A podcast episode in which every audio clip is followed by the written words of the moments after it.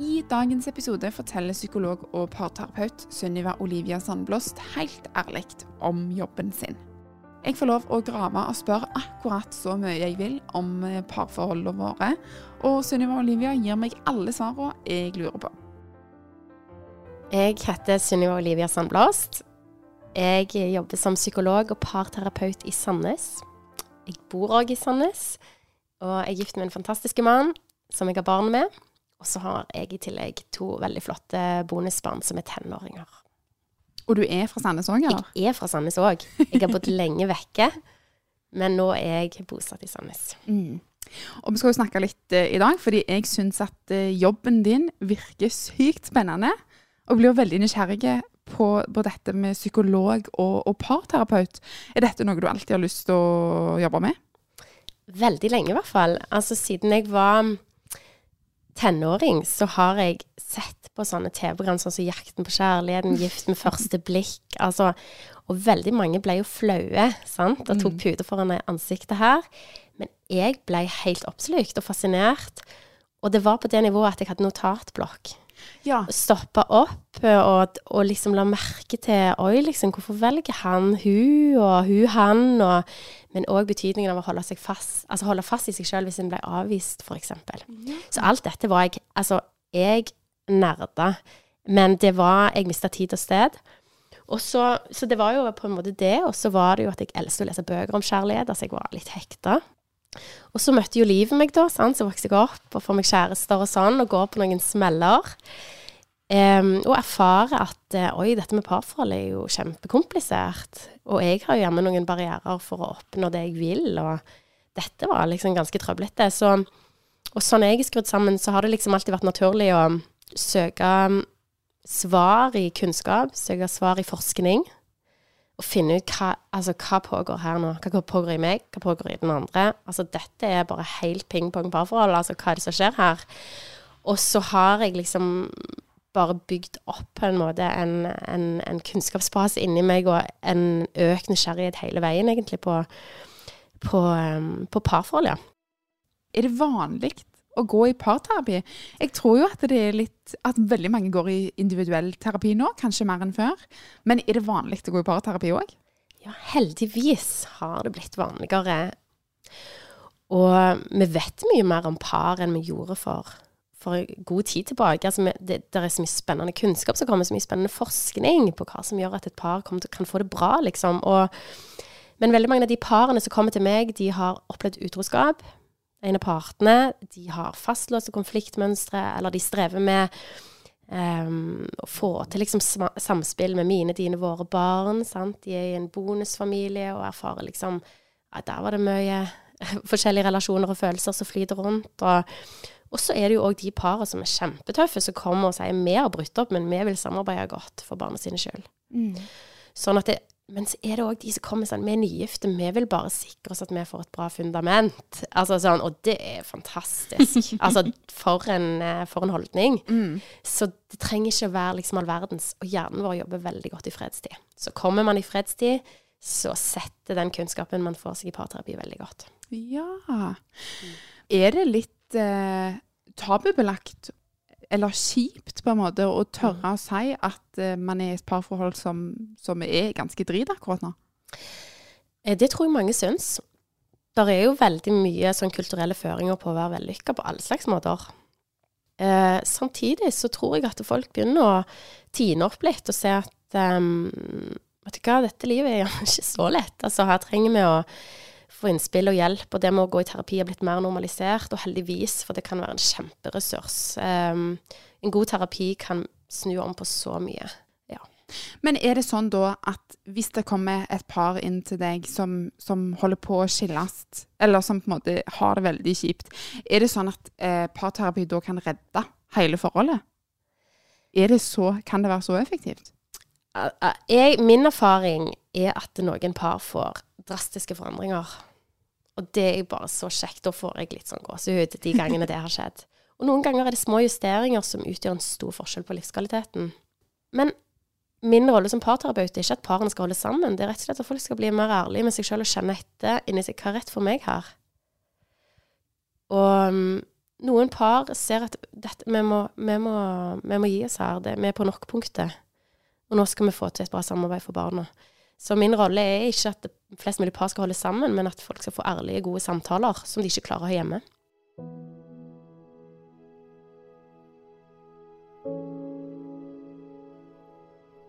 Nå har jeg veldig lyst å komme på besøk inn i dette terapirommet ditt. Eh, hvis det kommer et par for første gang, f.eks., hvordan ser den første timen ut? Så kjekt spørsmål. Eh, velkommen inn til mitt kontor, som jeg har malt i Divine fra Jotun. du ser bare. Ja, fint og rolig. Nei, det første jeg spør om, er alltid um, hva de drømmer om. Hva målet deres er hva de ønsker seg ut av terapien. Og når jeg hører om hva de drømmer om, så hører jeg egentlig òg hva som er vanskelig for dem. De ønsker seg det rolig hjemme. De ønsker ikke at det skal være høylytt lenger. Ok, Så noe sier meg om at hjemme hos dere er det ikke så helt ålreit for tida å fortelle om det. Og så forsker jeg egentlig litt på hva mønsteret deres er. Jeg, jeg spør hva, hvis jeg var flua på veggen, hva ville jeg sett altså når disse krangler? Hva, hva gjør de da? Så jeg prøver først å få en ganske sånn god oversikt over mønsteret deres. Altså det som egentlig opprettholder vanskene. Det mønsteret de har kommet inn i. For eksempel hun ene roper og sier ja, men du må bare skjerpe deg, og nå er det på tide sånn og sånn. Og han stenger mer og mer av og går inn i skilpaddemodusen sin. Og da blir hun bare enda mer på. Og til slutt så kan det være at han hiver ut noen gloser han angrer på. Mm. Og så ser jeg litt på disse mønstrene og tydeliggjør det veldig for paret. Og jeg ser veldig etter det vi kaller for losing strategies, eller minusatferd på god norsk. Mm.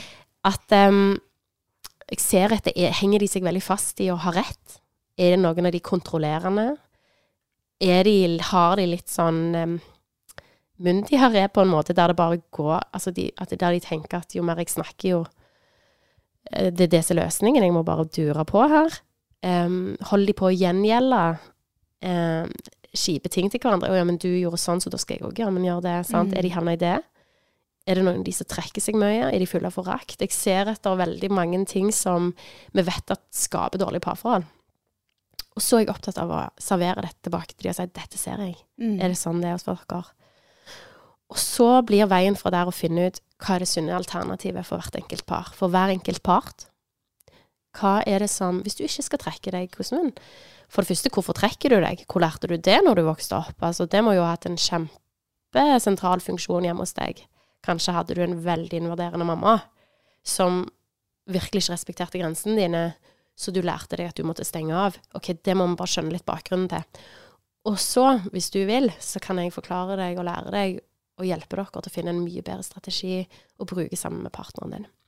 Så vi kartlegger først det dysfunksjonelle, det vanskelige, og så utforsker vi sunne strategier som et godt alternativ. Sånn, dette er veldig roughly. Ja, men det, jeg syns det er kjempeinteressant. Men er dette noe som foregår på én time, eller er det noe som man jobber med i, sånn, finner, man disse, finner man disse løsningene i løpet av den første timen, eller um, tar det lang tid? Nei, vet du hva, første time Min erfaring er at i de første 90 minuttene, det handler egentlig om å få tak i konflikten. Hvordan den ser ut, og rydde litt i den, rett og slett. Gjøre mm. den veldig tydelig. Mm veien til løsningene Dette er ikke en quick fix for veldig mange par. Noen får enormt mye ut av første time, og det er veldig kjekt når de gjør det. I hvert fall motivasjon eller iver til å tørre å ta den reisen sammen. Men de gode løsningene og de gode strategiene, det tar tid å øve på. For mm. dette hjernen må roe seg litt for at vi skal få de inn. Og det som er min erfaring, at når folk kommer inn i parterapi, så er de egentlig fulle av de vanskelige strategiene de har lært seg som barn. Det er, på en måte kan jeg si det litt sånn at det er på en måte to barn som dukker opp der og gjør det de lærte som barn at funka hjemme i sitt, i sitt, hjem. Og så trenger de å lære seg noen kloke voksenstrategier, og det tar litt mer tid. Ja. Mm, men de må på en måte oppdage det der eh, litt sånn krøllete greiene de lærte seg som barn, da. Mm. Mm, først. Men eh, det er jo et sentralt eh, Hele poenget med parterapi er jo at man gjerne er to. Eh, og jeg tenker litt sånn eh, Hvis jeg hadde satt med samboeren min da, inn til deg i parterapi, er det sånn at jeg kan på en måte få medhold i at endelig skal jeg skal noen si at jeg har rett? Din snig. ja, det var jo veldig lurt. Eh, er det noen som har rett, liksom? Altså ja og nei. Og jeg tror det er mange som tenker sånn. Ja. Eh, altså, nå skal endelig noen se hvor kjip han er, eller hvor tøysete altså, det han holder på med, er, eller hun, eller ja. Og der er det jo på en måte, har jeg liksom gode og dårlige nyheter til deg, da, hvis dette var deg. For, for det er selvfølgelig sånn at noen ganger så, så, så er det 90-10, altså, i forhold til bidrag til dårlige, dårlige dynamikker. Og noen har på en måte er mer relasjonelle, som jeg sier. Altså enda mer sunnere på en måte i måten å være på med andre mennesker enn den andre. Kan ha ofte, har ofte mye med barndom å gjøre. Mm. Så det er ikke alltid 50-50. Det kan være litt sånn 90-10, og det er jeg det er jeg ganske opptatt av å si, og det er min holdning. Det er ikke alle parterapeuter som er enig i det, men, men sånn tenker jeg altså om det. Men, men eh, når det er sagt, så er jeg først og fremst veldig opptatt av at det vi skal jobbe med, er dynamikken. Og der er man jo to, sant? Og så er jeg òg ganske sånn eh, For at begge parter skal få en opplevelse av at eh, jeg, dette altså, jeg er ikke håpløs, eller parforholdet er kanskje ikke håpløst, men jeg er i hvert fall ikke håpløs. Jeg har noe jeg kan gjøre her. Jeg har et rom å bevege meg i. Jeg kan faktisk jobbe litt med den selvkritikken min. Det kommer til å gjøre at jeg får det bedre, og kanskje parforholdet òg. Så jeg er opptatt av å invitere begge partene til å se på sin egenandel til at ting blir vanskelig. Og der har jeg til gode å møte et par hvor ikke begge parter egentlig har noe å se innover i seg sjøl på. Ja, så det er alltid, uansett hvis jeg Dessverre, mener Eiril. Ja. ja, det er um, Så hvis jeg mener Du kan jo være inntaket, det første inntaket. Men Ja. ja. så hvis jeg mener da at, Mm. eh, at eh, jeg, jeg har absolutt rett, Mm. så kan det godt hende at du sier nei. Da er det ganske mye du kan jobbe med, du òg. Å, der spør du et så viktig spørsmål. Ja. For veldig mange par er opptatt av er det rett, er det galt? Og de låser seg i akkurat den, det mindset at noe er rett og galt. Men i parterapi og i parforhold så er den objektive virkeligheten ikke så viktig. Det er de subjektive virkelighetene som betyr noe. Skal jeg forklare hva jeg mente med det? Ja, veldig gjerne. Ja, det kan jeg gjøre. ok, jeg har et eksempel, da. Jeg skal ikke si hvor jeg har det fra. Um, men, uh, um, men for eksempel hvis hun sier til han Du kjører så uforsvarlig i bilen, altså. Mm. Og han sier Vet du hva, du er bare så overengstelig. Skjerp deg. Skjerp deg. Altså, hvem, altså det er på um, I samtalen med meg, da, så vil ikke jeg være så veldig opptatt av om han kjører for fort eller ikke.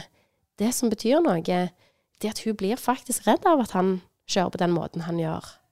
Så for han, da, å se at Oi, du verden, altså når jeg virker sånn inn på deg, du, du, du gjør deg selv redd altså, av det og det, det vil jeg ta, det vil jeg ta, det vil jeg ta hensyn til. For du er faktisk i mitt økosystem, og jeg puster inn konsekvensene av min atferd gjennom din respons. Så hvis du blir veldig redd av det, siden meg og deg er et team, og vi er et økosystem, så er jeg ganske opptatt av å tilpasse meg, sånn at vi kan få det ganske ålreit sammen. Og for hun, for hun å si det på en litt sånn ålreit måte Du, du vet når du kjører sånn, selv om du syns sjøl at du er en kompetent sjåfør og sånn, så blir jeg så redd, altså. Så for, som en tjeneste med kan du bare kjøre litt roligere. Be om det hun trenger, sant. Og da er vi inne i en litt annen eh, Jeg hører jo at det er en annen tone. Det er en i annen den tone, samtalen. sant? Ja. Det er en annen tone. Ja. Og da er man liksom ikke låst i er det rett eller galt. Nei. Det har ikke så mye å si. Og det er hyggeligere i den bilen. Det er hyggeligere, den bilen. Ja. Ja, det er det. Det er mye hyggeligere. Ja.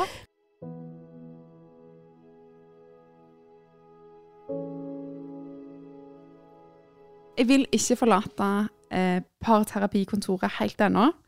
Eh, for når jeg tenker Når jeg ser på deg og snakker med deg nå, så tenker jeg jo sånn OK, du har en superkraft. Og så Og da lurer jeg litt på Er det sånn at når du fra det sekundet du møter et par, f.eks. som skal inn til time hos deg, er det sånn at du allerede ser på kroppsspråket, og du, eh, og du leser oss, em, og du ser måten vi snakker til hverandre på? Altså, Begynner du på en måte å analysere og gjøre deg opp en mening ganske fort? Eller er det kun det som klienten uh, sier? Det er et kjempespennende spørsmål, og nei, jeg har ingen superkraft, fillen. Um, men du stiller et kjempegodt spørsmål, for det er faktisk sånn at vi observerer mye kroppen. Og hvorfor gjør jeg det? Det er fordi at angstnivået sitter i kroppen. Sånn at det er veldig forskjell på en person som kommer inn og er i høyspenn, og en person som faktisk kommer inn og helt sånn nesten litt gelé i beina, eksempel. Det legger jeg merke til, og grunnen til det er at en som har litt sånn gelé i beina og og på en måte virker litt sånn speisa ut i blikket gjerne, eller sånne ting, det sier ganske mye om hvor aktivert den enkelte er. Og hvis de er veldig aktiverte, så vet jeg at jeg må begynne med det. Fordi da klarer de egentlig ikke å ta inn noe som helst, og er gjerne så engstelige for hele prosessen at vi må begynne med å roe den angsten ned. Sånn det, du har helt rett i at eh, jeg ser veldig mye på kroppsspråk for å kunne gi eh, en god tilpassa behandling.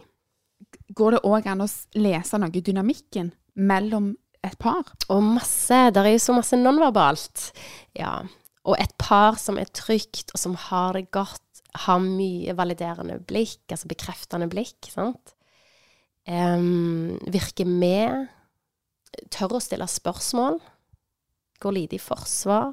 Virker til å virkelig lytte når den andre snakker. Altså, det er jo kjempeviktige ting, og jeg jobber veldig mye med det jeg observerer mellom parene der. I begynnelsen så noterer jeg meg det bare for å, for å se litt etter, og etter hvert så så gjør jeg det som kalles en care frontation. Det vil si det er en konfrontasjon, men med mye varme. Ja. og der jeg sier du, det her, her er det jeg ser. Um, fordi at, Og jeg lurer på om dette kommer ganske i veien for dere, at du gjør sånn og sånn. Så ja, Masse, masse kroppsobservasjon. Det er jeg superopptatt av. Og ikke alle terapimetoder er opptatt av det. Nei. Men i den metoden jeg er trent i, så er det veldig sentralt. Kult. Er det noe som du ser at veldig mange par syns er vanskelig? Jeg tror det er veldig mange som opplever at de ikke skjønner den andre. Og her er jeg bare så fan av kunnskap. Sant? Og jeg um, tror veldig mange par strever med å forstå at f.eks. hvorfor er mannen min så lukka? Han sier jo ingenting. Fy søren, så irriterende. Og der er jo veldig ofte Kan ofte svaret være ganske annerledes enn man tror. Ja. Den partneren som er veldig stille, kan f.eks. være veldig engstelig. Ser ikke typisk engstelig ut. Men straks den personen kjenner at nå er jeg konfrontert med noe nært, personlig, ekte, så får personen veldig mye angst i kroppen sin. Og stivner til, blir litt mimikkløs, til og med kanskje kan virke arrogant.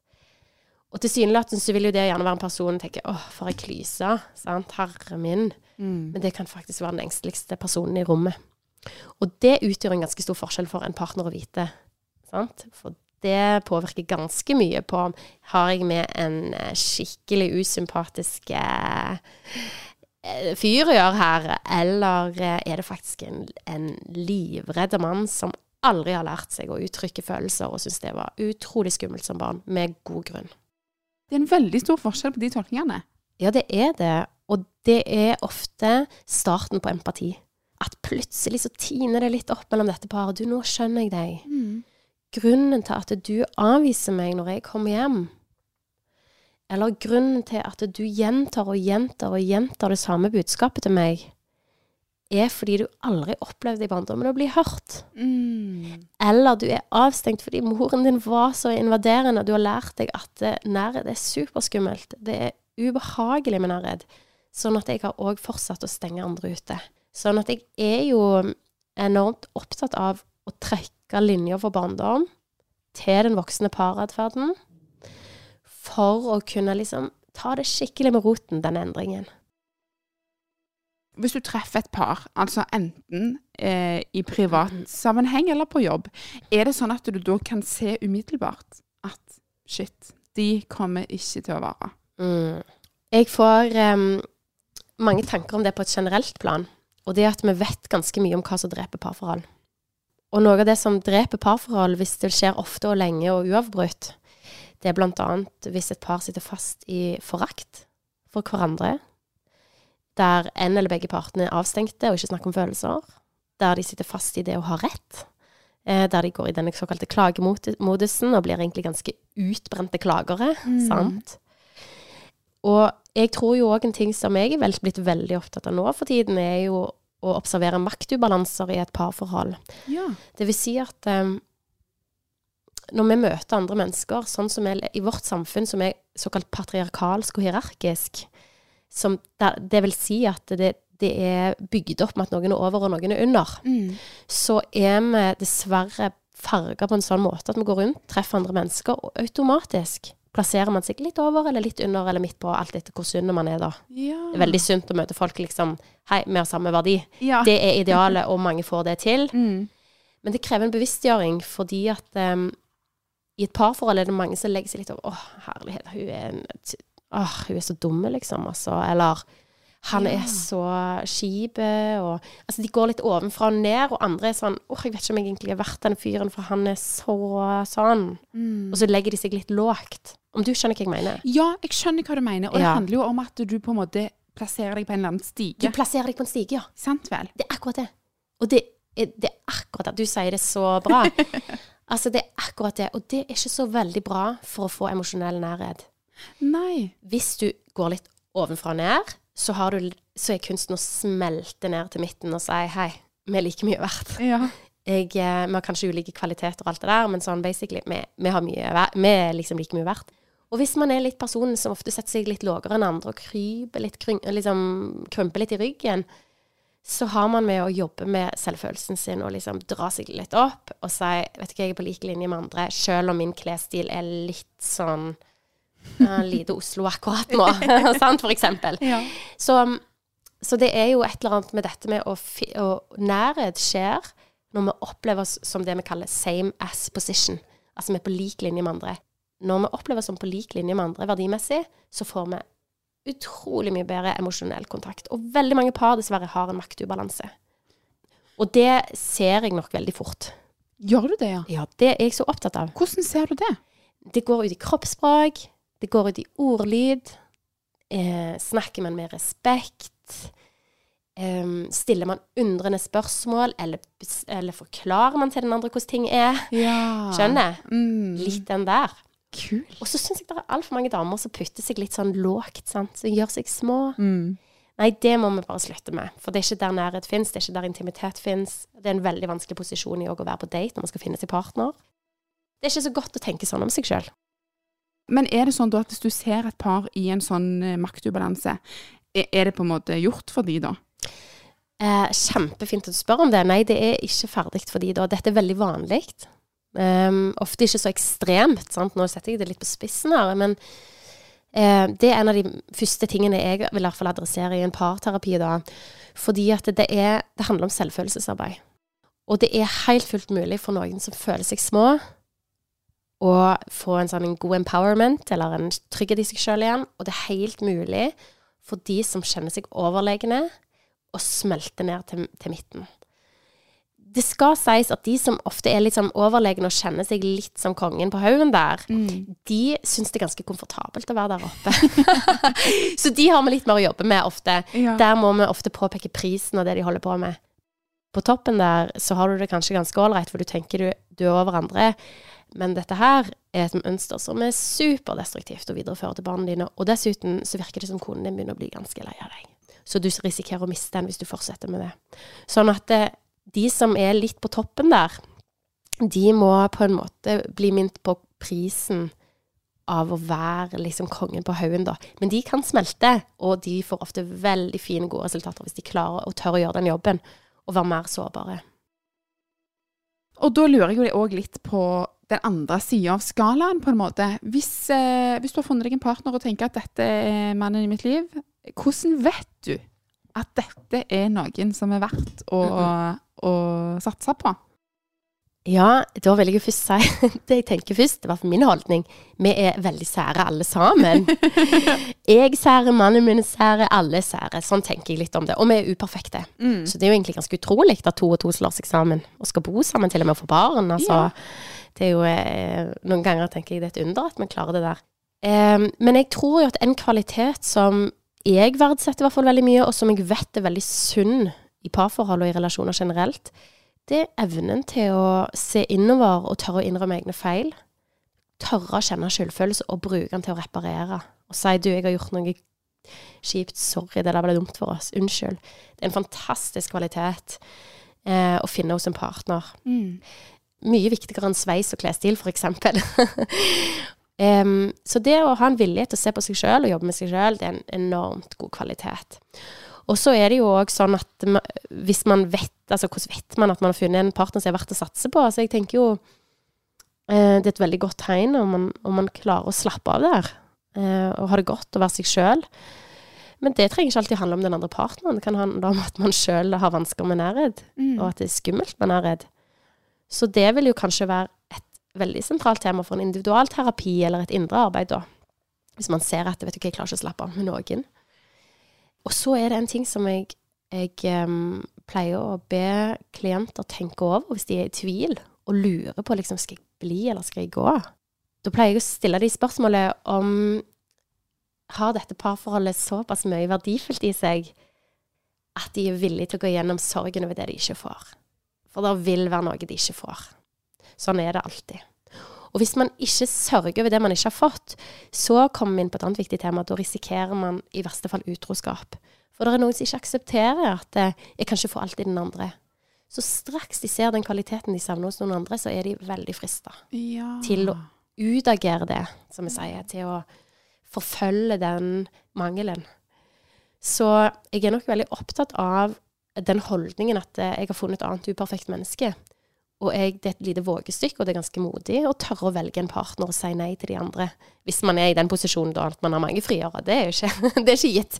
Men noen har det jo faktisk sånn Ja. at det betyr at jeg må velge vekk noen. Sant? Da blir det kanskje ikke den barndomskjæresten, eller da blir det ikke den der spennende personen på, på tur, eller Nei, det blir denne mannen eller denne dama. Og sånn er det, og nå forsoner jeg meg med det, og så går jeg all in her. Det er skummelt. Det er kjempeskummelt. Jeg blir redd av å tenke på det. Ja, det er Du er ikke alene om det. Før, før vi avslutter, så lurer jeg jo på om du har et uh, siste tips til noen som, som sitter og hører på denne episoden, og som blir skikkelig fascinert, egentlig, og har lyst til å jobbe med parforholdet sitt. Ja. Da tror jeg jeg vil si ta parforholdet ditt på alvor. Det påvirker din psykiske og fysiske helse. Og så vil jeg òg si vær nysgjerrig på dine egne barrierer for vekst. Nysgjerrig på hva som bremser deg til å oppnå det du drømmer for deg sjøl, og for at dere skal få emosjonell nærhet.